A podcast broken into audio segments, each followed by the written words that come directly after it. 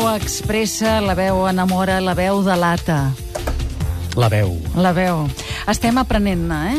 Uh, vam començar parlant fa uns dies, Mhm. abans de mirar què s'estrenava al Liceu. Jaume, era dels barítons, oi? Que vam No, parlar, vam parlar dels tenors, dels tenors. i dels baixos. No, perdó, perdó. Ara, ara, és que m'emboliques, m'emboliques. Vam parlar primer dels... És que em poses nerviós. Ah. Amb això, això t'ho compro, l'altre no. Uh, vam parlar dels baixos. El que, saps què passa és que estic preparant els guions de les properes setmanes Ah, ah. ja he preparat el dels barítons i el dels tenors. Clar, però a mi...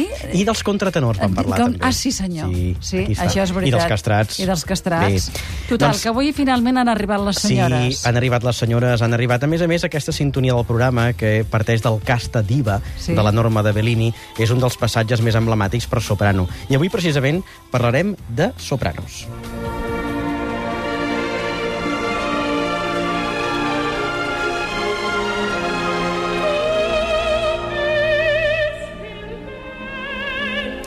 No hi ha dues sopranos iguals, com tampoc hi ha, avui que tenim un partit tan transcendental, dos Sí. futbolistes iguals. Si ja m'ho diuen què fa que no hi he anat o no he pogut, i clar, ja, llavors, esclar, no es pot això dels cinc d'anar a gols. Ucraïna, home, és una mica lluny, això, no? No, però és que jo hi vaig per intentar allò, pxt, Ah, cinc. d'acord.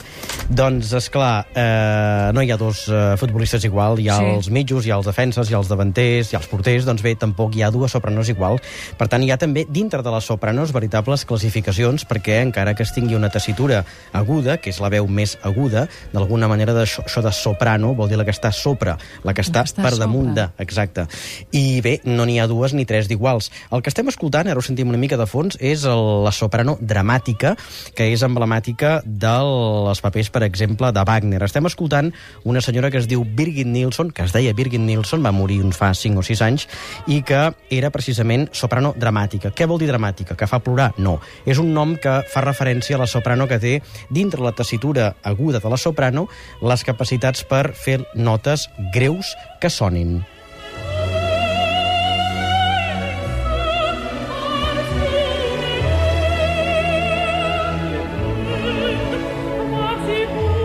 I passarem de la dramàtica a la següent classificació, que és la soprano que anomenem lírica. Sí. La soprano lírica podríem dir que és la tessitura intermitja i és una de les més habituals d'aquesta corda i té gran part del repertori mm, per aquesta subtessitura, que és la de soprano lírica. Eh, Es pot dir que la resta de les categories de les sopranos deriven de- d'aquesta, que és la més central. I ara escoltarem una de les sopranos líriques més grans de les últimes generacions, una soprano de Barcelona que coneixem moltíssim i que és precisament Montserrat Cavaller. I la sentirem en un dels seus papers, podríem dir, emblemàtics, Emblemàtics. Que és el personatge de la Mimí, que és la protagonista d'una òpera també emblemàtica, que és la, la Bohème de, de Puccini.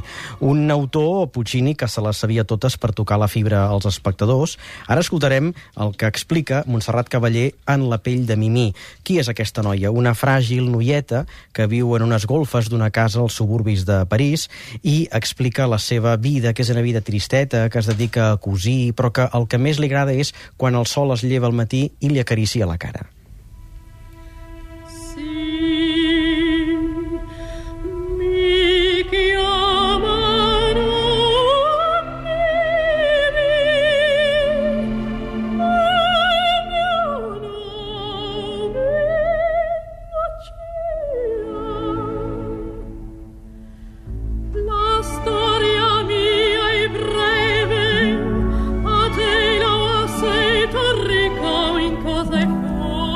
Una veu dolça, és- és- molt central aquest repertori, sí. molt difícil, evidentment, eh?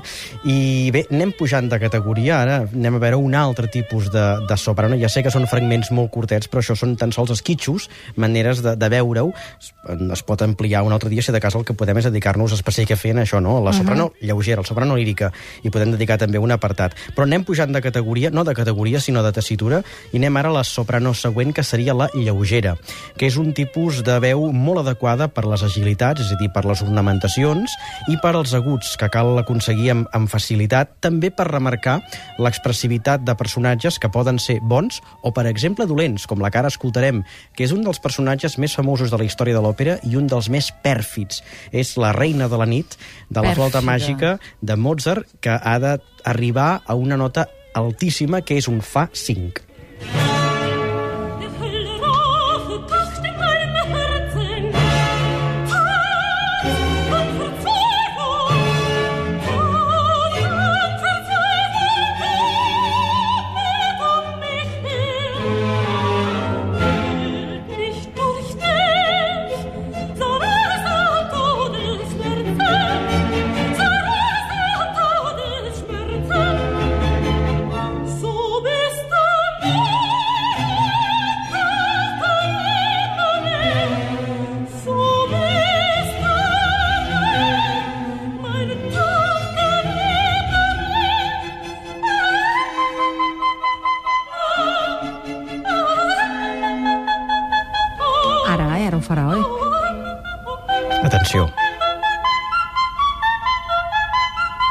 Tu això ho cantaries a la dutxa?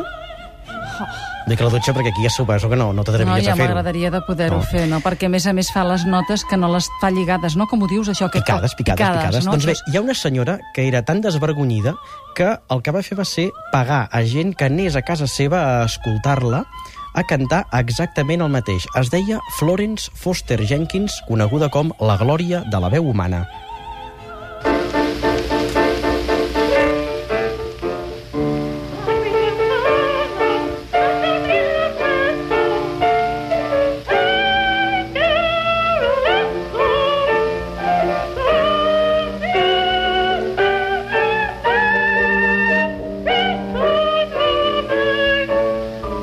Aquesta gravació té mil anys. Uh, 70 o 80, més o menys. Aquesta senyora era una senyora milionària nord-americana. bo, això, que no, bo, no eh? coneixies això? Va, No, no, no, una a miqueta veure, més, a va.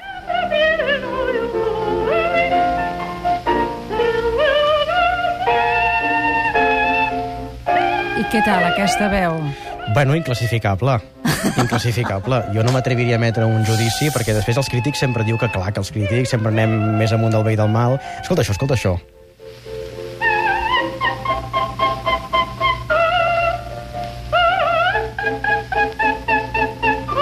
Doncs bé, aquesta senyora ocupa un disc sencer, un disc sencer en què interpreta Home, barbaritats com aquesta que estem S'ho va escoltant. pagar ella, com Home, si esclar, diguéssim, jo no? això ho poso perquè realment la gent s'adoni que és molt difícil Fer-ho, cantar bé. eh? Allò de dir, provi de fer-ho a casa, eh? o, o allò, no, no ho provi amb nens al davant, perquè pot prendre No, mal. no, Busqueu els provi-ho, nens. però si no se'n surt... Exacte, exacte, sí senyor, trencadissa. Molt bé, molt bé, nois.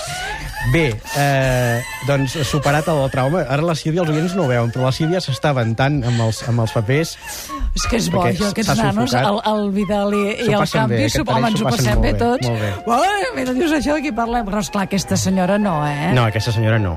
Aquesta estar. no. I si ets d'un tipus de soprano, no pot ser de l'altre, o hi ha veus que tenen capacitat, registres diversos? Sí, n'hi ha que evolucionen. Per exemple, Montserrat Cavaller és lírica-lírica, però ha abordat també repertori, per exemple, Ja. de dramàtica. Hi ha cantants versàtils. Victòria dels Àngels, per exemple, també ho era.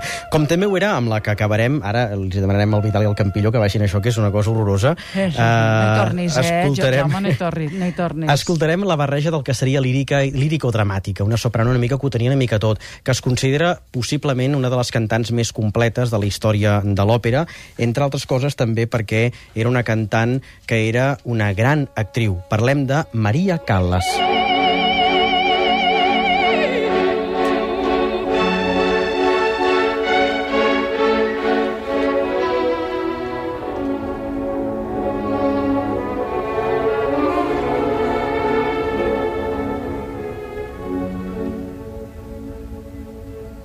in cui